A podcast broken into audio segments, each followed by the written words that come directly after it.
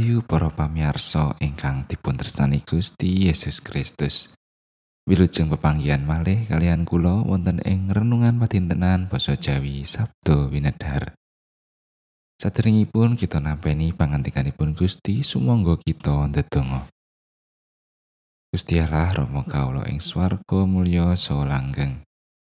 Puji syukur kunjuk dumateng Paduka Gusti awit sedaya berkah pangrimat Paduka ing gesang kawula. Sakmenika Gusti manah kawula sampun sumadyo badhe nampi Sabtu Paduka. Sumangga Gusti paring pangandikan. Mugi roh suci ingkang paring pepadang ing manah kawula. Satemah kawula kasagetaken mangertosi lan nindakaken menapa ingkang Paduka kersakaken. Tasih kathah dosa kalepatan kawula ing ngarsa Paduka. Mugi Gusti kersa paring pangaksami. Wonten ing asmanipun Gusti Yesus Kristus kawula ndedonga lan saos syukur. Amin. Maosan kabenet saking Jabur Mazmur sekawan dosa kali. Kanggo lurah pasinden, kidung piwulang anggitane bani korah. Kados pangorongipun sang sam dateng toyanipun lepen. Inggih mekaten angkangening nyawa kawula dumateng paduka do Allah. Nyawaku ngorong marang Allah marang Allah kang gesang. Besok kapan anggonku diparengake sowan deleng Gusti Allah. Lohku kang tak pangan rino lan wengi. Awit sedina muput aku ditelatoni ing wong mangkene. Alamu ana ing ngendi? Iki bakal tak eling-eling. Sajrone nyawaku sedih lan lesu. Sarehne wonge akeh banget. Kepriye bisa ku maju? Disiki wong-wong iku menyang ing padalemaning Allah. Kalawan surak-surak lan ngrepekake kidung panuwun. Ana ing karameaning wong-wong kang padha nganakake pahargian. Donyawaku ya kene kok tumungkul. Lan ngulang-aling ana ing jeroku. Ngarep-arep marang Allah. Awit panjenengane gagal tak puji. Panjenengane kang dadi pitulunganku lan Allahku. Nyawa kawula tumungkul wonten ing lebet kawula. Mila kawula lajeng kengetan dumateng paduka. Saking ing pasitening benawi Yarden lan ing parden Hermon saking ing redi Mizar Samudra Agung wuh-wuh dateng sami Samudra Agung. Sarang kalian kumrasa ing grojogan paduka. Kawula karoban ing sakataing ombak so alun paduka. Ing wayah rino pangeran Yewah ndawuhake sih kadarman sarta ing wayah bengi aku ngrepekake kekidungan. Pandonga marang Gusti Allah ing uripku unjukku marang Allah peparangku mangkene. Menapa dene patuko mboten ngengeti kawula?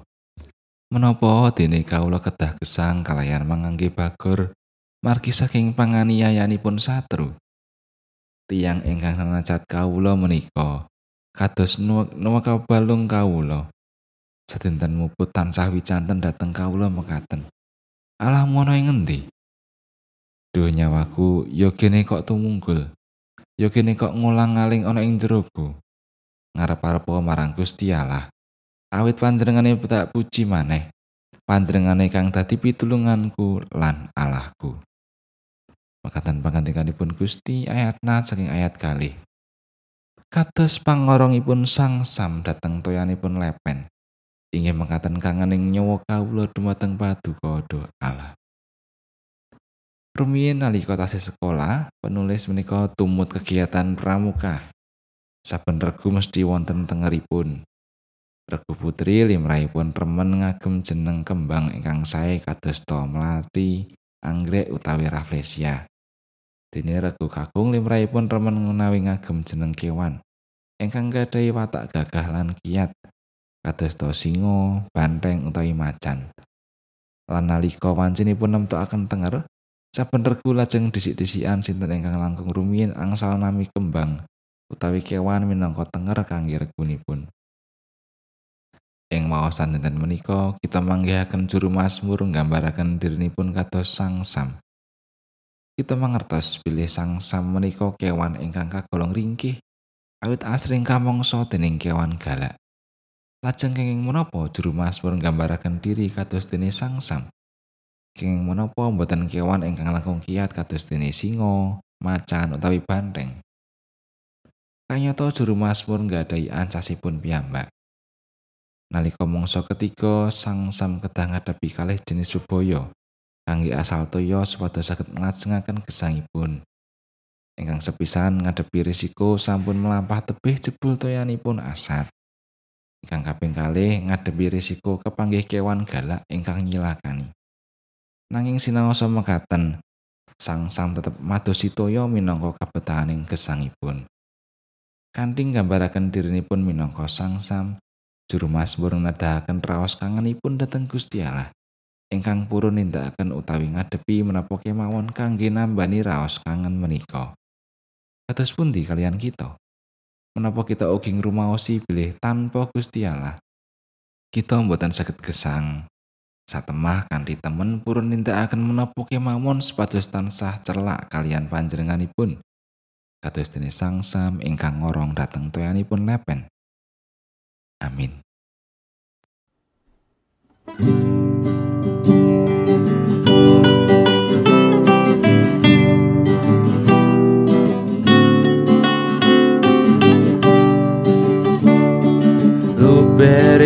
berkasing Gusti Yeku prajanji suci.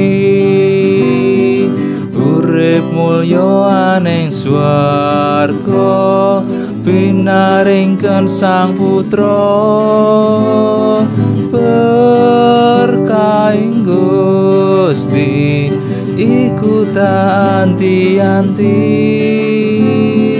sayogya tansah tinampi klayan tulus sing ati